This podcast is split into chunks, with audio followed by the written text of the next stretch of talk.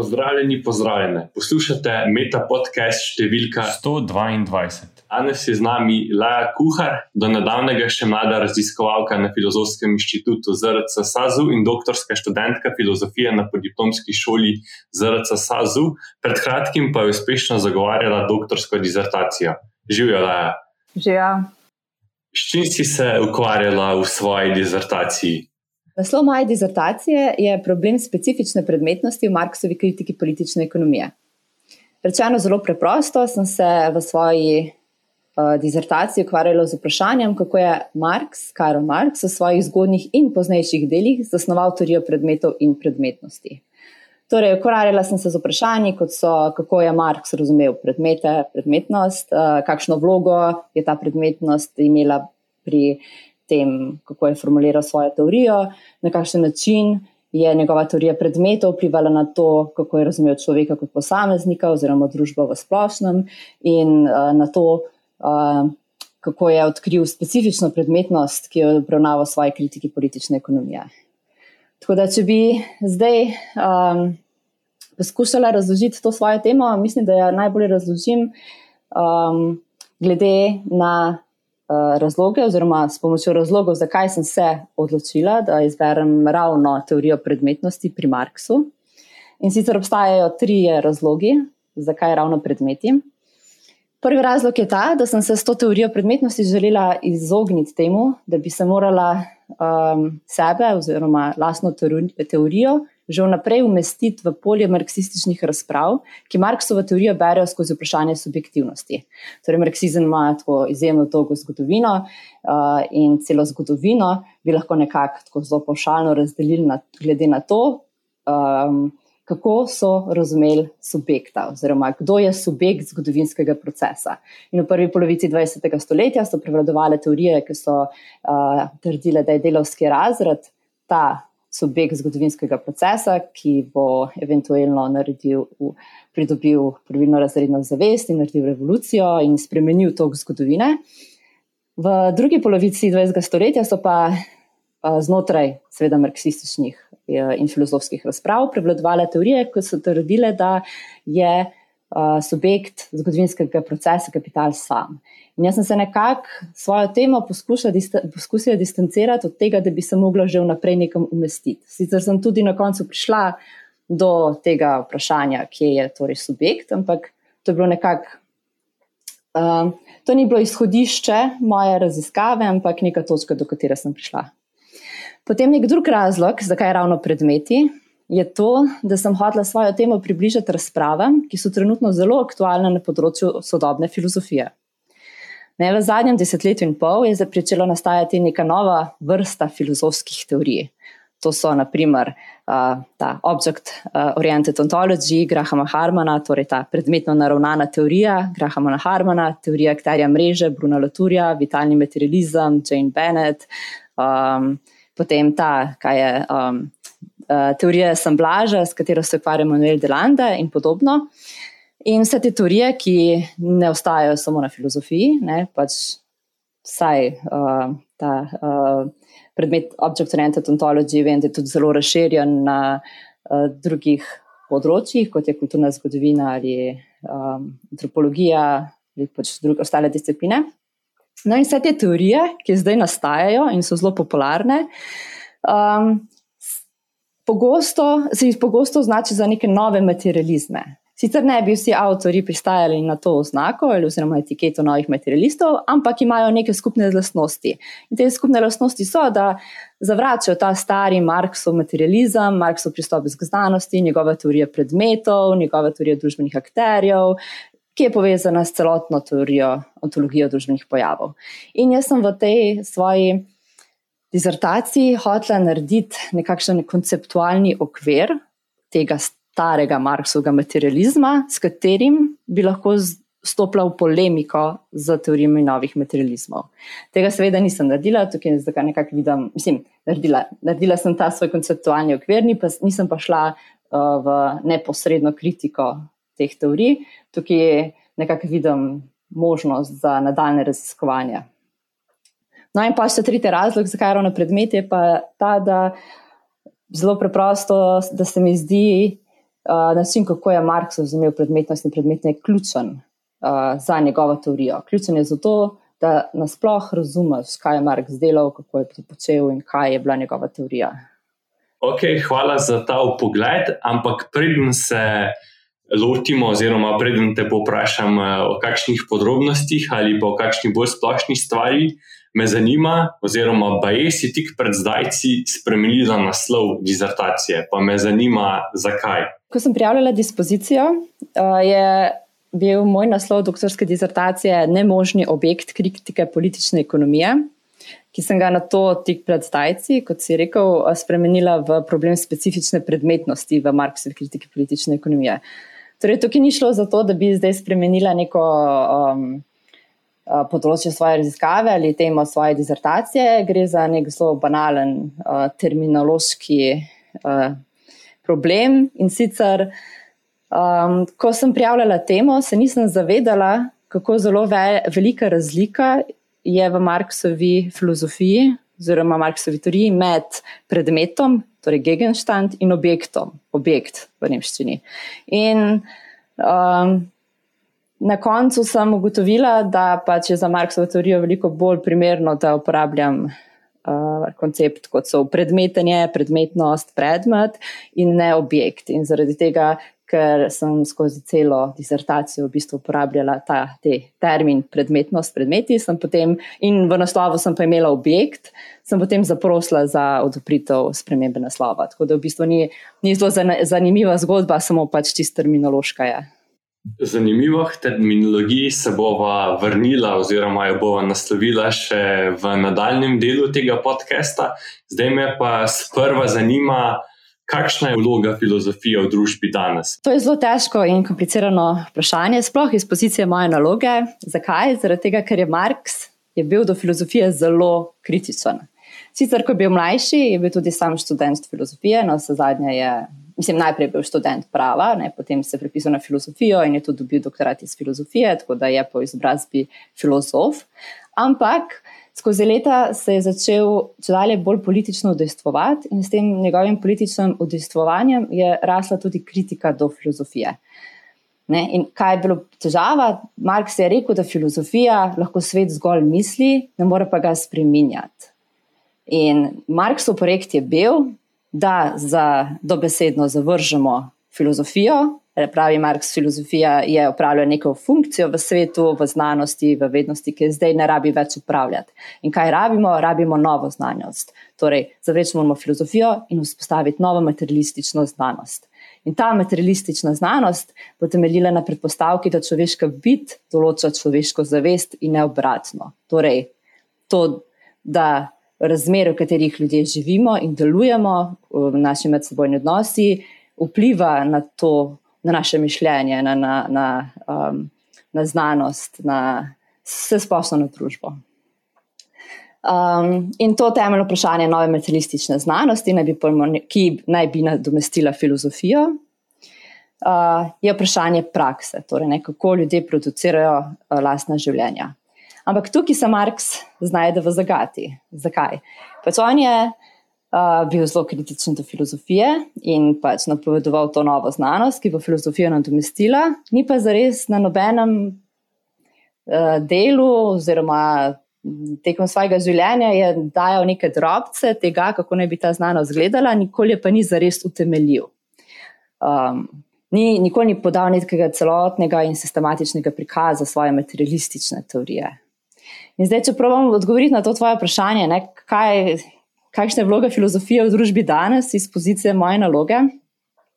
Ne bi šla tako daleč kot Marx in rekla, da je popolnoma nepotrebna, ampak bi rekla, da, um, da se mora ohranjati, ampak mora se spremeniti njena funkcija in njen pomen. In ta funkcija se mora na, spremeniti na dva načina.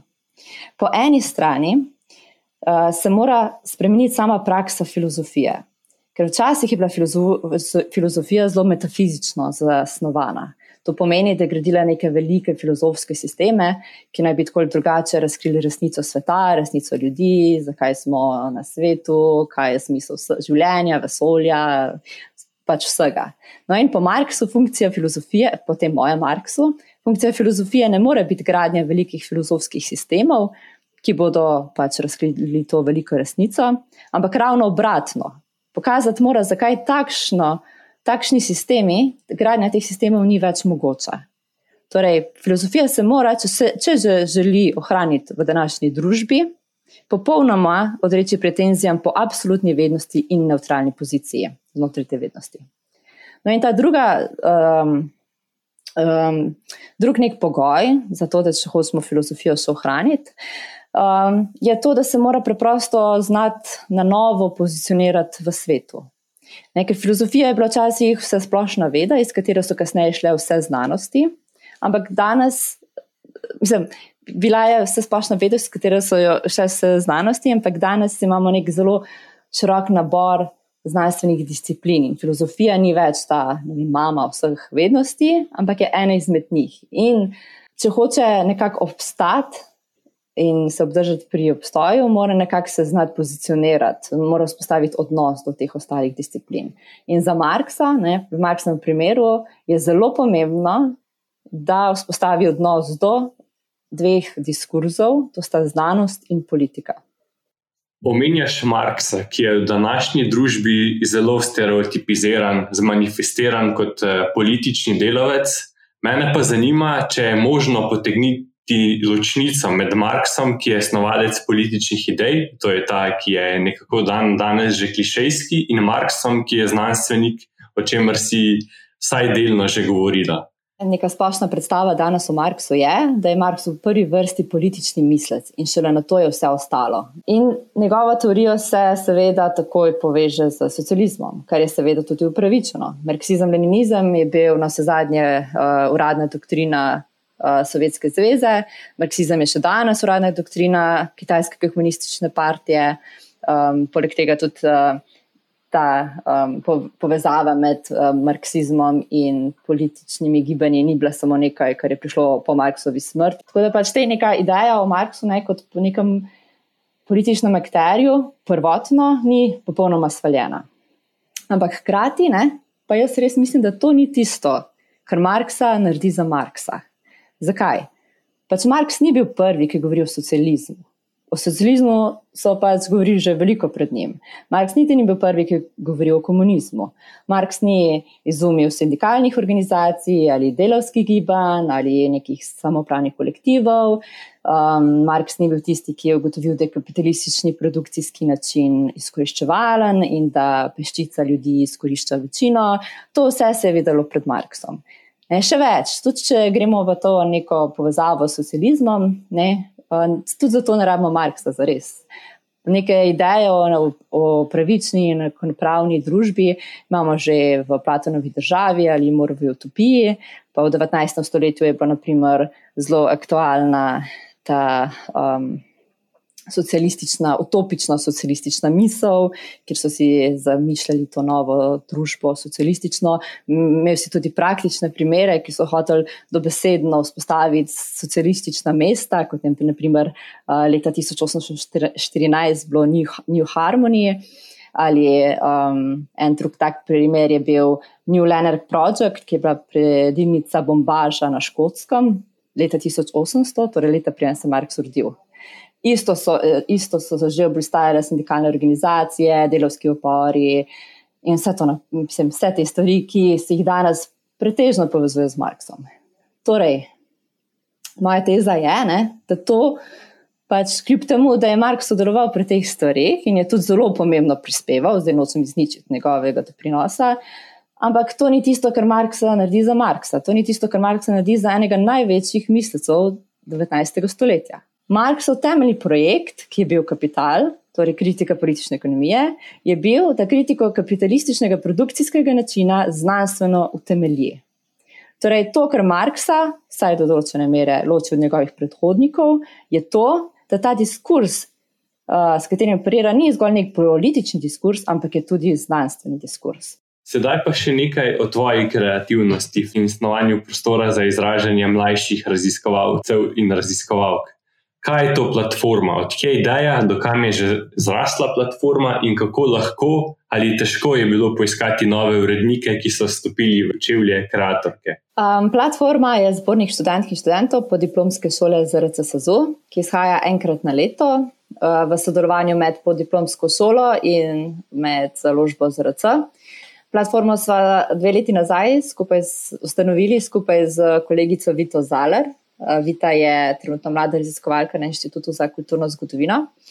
In osnovna ideja platforme je bila, kot poveže samo ime, da ponudi študentom in študentkam prostor, kjer lahko predstavijo svoje dosodanje raziskovalno delo. Torej, neka posebnost platforme je, da avtorici in avtorjev ne zavezuje k isti temi in jih ne noče združiti glede na naprej določen nabor raziskovalnih vprašanj, ampak ravno obratno, povezati želi prispevke, ki prihajajo iz različnih, iz raznovrstnih področjih humanistike in družboslovja in pri svojem uh, delu izhajajo iz različnih raziskovalnih vprašanj. Ne, to je neka pozitivna stvar te platforme, ki nam je ratelo ustanoviti in ki je hkrati pa tudi predstavljalo, predstavljalo velik izziv. Zakaj? Ker pač, če greš v to, kar smo eh, z Vito naredili, da um, se ne osredotočiš na eno disciplino, ampak pač hočeš združiti različne prispevke različnih disciplin, prideš do podobnega problema teh kriterijih znanosti. Ne? Prej sem govorila o tem, kako se na. Um, Kako pride do neke nove, zna, uh, nove znanosti, kako se vzpostavi nova, nov znanstveni diskurs ne, znotraj ene vede, ki je pač Tu je pa neko konkretno vprašanje, kaj je kriterij znanstvenosti na, posa, znanosti na posamezni disciplini. Ne, naprimer, to, kar se smatra za dober znanstveni članek na um, filozofskem področju, na filo, pri filozofiji, je nekaj popolnoma drugačnega kot to, kar se smatra za dober znanstveni članek na naprimer geografiji ali arheologiji ali vem, antropologiji. Ne, kriteriji so popolnoma različni.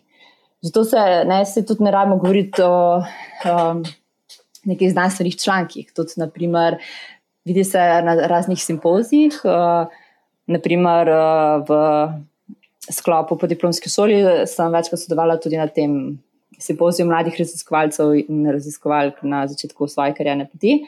In na tem simpoziju so različni mladi raziskovalci iz različnih disciplin predstavljali svoje vede in, ta, vede in oziroma svoje teme, doktorske disertacije. In tam si pač videl, kako zelo različni kriteriji znanost, znanstvenosti so, oziroma obstajajo. Naprimer, za večino uh, ved se nekako smatra pozitivna stvar, da pripraviš PowerPoint prezentacijo. To pomeni, da si razmislil stvar, da si jo pripravil na interaktiven način, da si se dodatno potrudil, da boš zdaj nekako podal, ne, kar se da jasno in razumljivo svojo tezo občinstvu. No, na filozofiji je to najslabša stvar, ki bi lahko naredil. Pač, da prideš s PowerPoint prezentacijo na neko, znanstvo, neko filozofsko konkurenco in spadeš popolnoma neresen. Ne, tukaj je tudi zdaj morda um, ta posebnost filozofije, ki um, ne, ker pač filozofija se razlikuje od drugih teh ved z, z tega vidika, da um, druge vede morda lahko predstavijo svoje rezultate, svoje raziskave v nekih dejstvih, nekih podatkih, ki jih lahko prezentirajo. Ne, filozofija tega ne more narediti, ker cela poanta filozofije ni v tem, kaj pove, kaj poda, kaj, kaj so njene ugotovitve, ampak kako je do teh ugotovitev prišla. Ne, naprimer, pač podobno kot pri matematiki, lahko rečeš, da je 2x5 10, Ne, ampak cela poanta je, kako to dokažeš. Ne, in v filozofiji je zelo pomembno, da imaš. Um, uh, da to, kar je pomembno v filozofiji, ni ta nek ugotovitev, ki jo na koncu poveš, ampak tvoj dokaz, način, gibanje tvoje misli, kako si prišel do tam, kamor si prišel. Ne, in zato tudi ne morejo biti niti znanstveni članki, niti predstavitve, niti um, vse ostalo, ne more biti enako kot pri drugih vedah. Z vidika aktualnosti vladanja, vladnosti in biopolitike se ustvarjaš serijo Predavanje na to temo se ustvarjaš pa z Inštitutom za delovske študije. Zakaj gre? Uh, Inštitut za delovske študije se je po nekaj letnem premoru vrnil na slovensko prizorišče in jaz v njem sodelujem kot članica programskega odpora. Um, zdaj, v skladu s preteklimi dejavnostmi inštituta smo se tudi odločili, da bo naša glavna aktivnost letnik predavanj. In ta letnik predavanj poteka vsak četrtek ob sedmih. Glavna tema eh, eh, letošnjega letnika predavanj je biopolitika. Uh, biopolitika smo zbrali zato, ker se nam zdi zelo relevantna za današnji čas. Zdaj, če čisto na kratko povem, ne, to gre za koncept, ki ga je med leti 1974 in 1976 zasnoval Mišel Foucault in se nanaša na tehniko oblasti človeških življenj. Torej, biopolitika je tehnika upravljanja s populacijskimi pojavi. To so naprimer uh, rodnost, poprečna starost, uh, delovna sposobnost prebivalcev, migracija in podobno.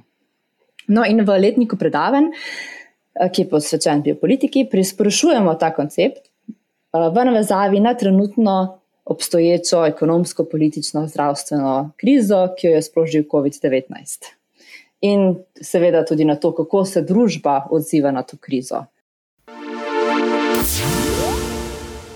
Preden se lotimo eh, zadnjih pet vprašanj, je sedaj čas še za terminološki kotiček, kjer me zanima, kateri pojem ali izraz je bil zate največji izziv ali pa največja uganka pri pisanju dizertacije, recimo od pojasnjevanja ali pa prevajanja, umeščanja v slovenski kontekst? Ja, uh, najbolj nenavaden izraz uh, moje dizertacije, s katerim tudi sicer veliko operiram, je gotovo materiatura. Mark pravi, da je materiatura neka specifična predmetnost, je neka predmetnost, ki nastane kot upredmetenje posebnega družbenega razmerja.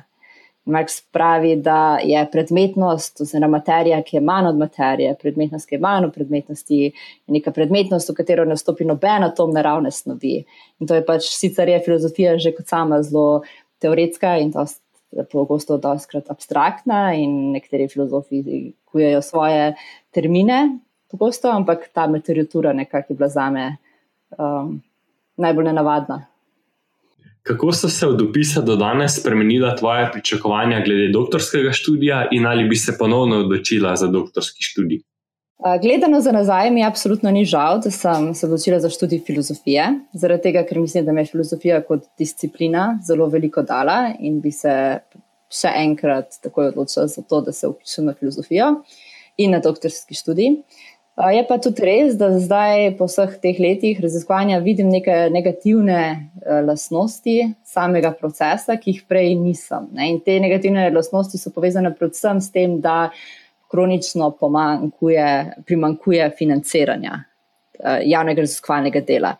Ne? In Te negativne lastnosti so pač tekme za točke, pomankanje solidarnosti med kolegi iz tih disciplin, konstantno prijavljanje na, na projekte, veliko je duševnih težav med raziskovalci, sam proces dela je psihično zelo naporen. Ne, zgovorno je dejstvo, da um, je stopnja samomorilnosti med um, mladimi doktori oziroma mladimi raziskovalci, doktorski študenti nadpoprečno visoka ogromno ljudi na antidepresivih, tako kot se pogovarjam s kolegi. Ne, to je, neka, je neko delo, ki je zelo stresno in terja, terja nek psihičen, ne samo mentalen, ampak tudi posebno psihičen napor. Ne, tako da zdaj to je nekaj, česar se nisem v celoti zavedala, preden sem se opisala. Ampak kot sem rekla, pač ni mi žal, da sem, se, da sem šla v to in šla bi še enkrat. Če bi imela priliko iti na kavo s predsednikom vlade, kaj bi mu predlagala, da izboljša na področju znanosti? Če bi šla na kavo s predsednikom vlade, bi mu predlagala samo eno stvar in to je odstopi. No, in zdaj, če na hitro razložim, tega ne mislim, ne, tega odstopi, ne mislim v nekem provokativnem smislu, ampak kot res edini racionalen odgovor.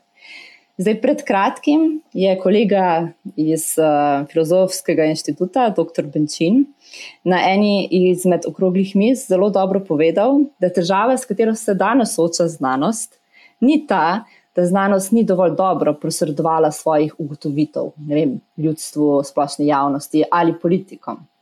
Ne, znanost je povedala svoje. Povedala je, da obstaja globalno segrevanje, povedala je, kako uničujoče posledice ima, oziroma bo imelo globalno segrevanje, povedala je, kakšna je funkcija cepiv in zakaj je gibanje proti cepivom absolutni nesmisel. Povedala je uh, večkrat in zelo natančno in zelo neposredno, da v takšnih pogojih, v katerih deluje, ne more zares delovati. Tako da problem znanosti ni, da bi mogla še kaj povedati.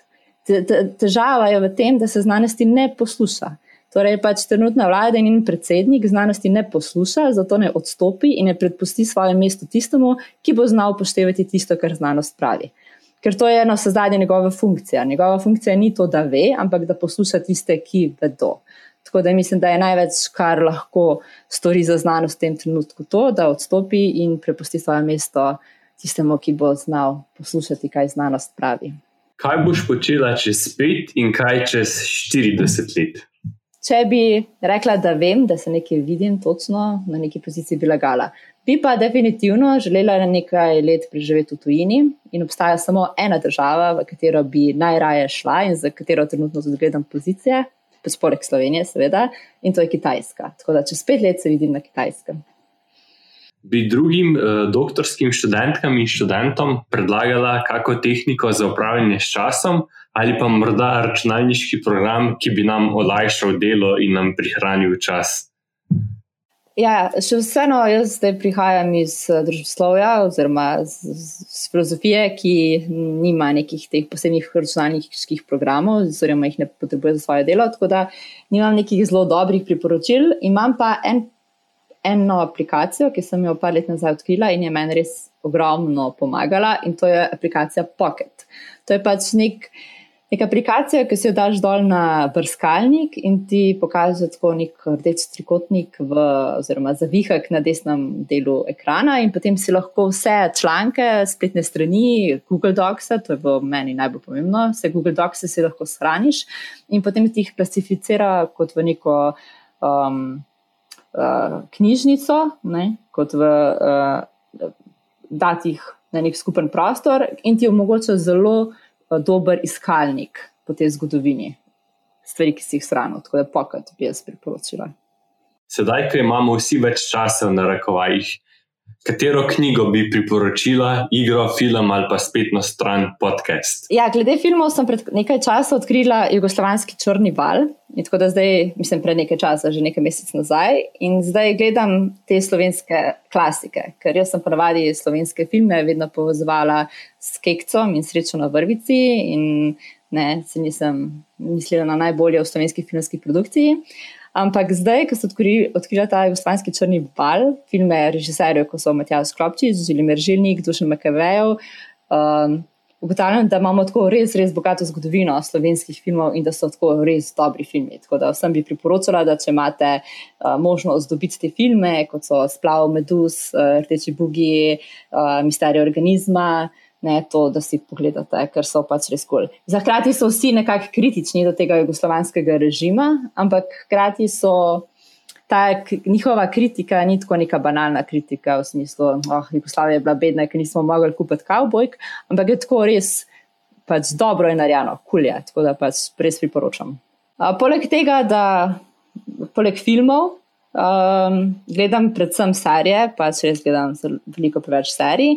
No, in če bi mogla zbrati ene, dve serije, ki so mi bile v zadnjem času še ekstra všeč, je prva Legion, Legija, dobite na HBO, je znanstveno-fantastična serija, druga je pa Corporate, korporacija. Potem glede igric. Uh, V prvi karanteni aprila sem si kupila Xbox, tako da sem šla zdaj popolnoma v ta igri, igričastki svet. Uh, In zdaj tukaj je moj okus zelo, zelo mainstream in večino časa dejansko igram Fortnite. Tako da to je igrica, ki bi jo priporočila vsem, ki jo morda še ne poznajo. Uh, sem pa pred kratkim začela tudi igrati eno, ki mi je bila še posebej v redu in to je Control. Poslušali ste Meta podcast, v katerem se pogovarjamo z mladimi znanstvenicami in mladimi znanstveniki iz različnih področji znanosti. Podcast domuje na spletišču metinalista.si, kjer najdete tudi druge zanimive znanstvene vsebine. Naše delo lahko podprete z donacijo Metini listi, pohvale, pripombe in predloge lahko posredujete na elektronski naslov znanost afnametinalista.si. Dobrodošli so tudi komentarji na Facebook profilu Metine liste in Twitter računu, ki še ni izbrisan. afnametinalista.si se slišimo čez 14 dni.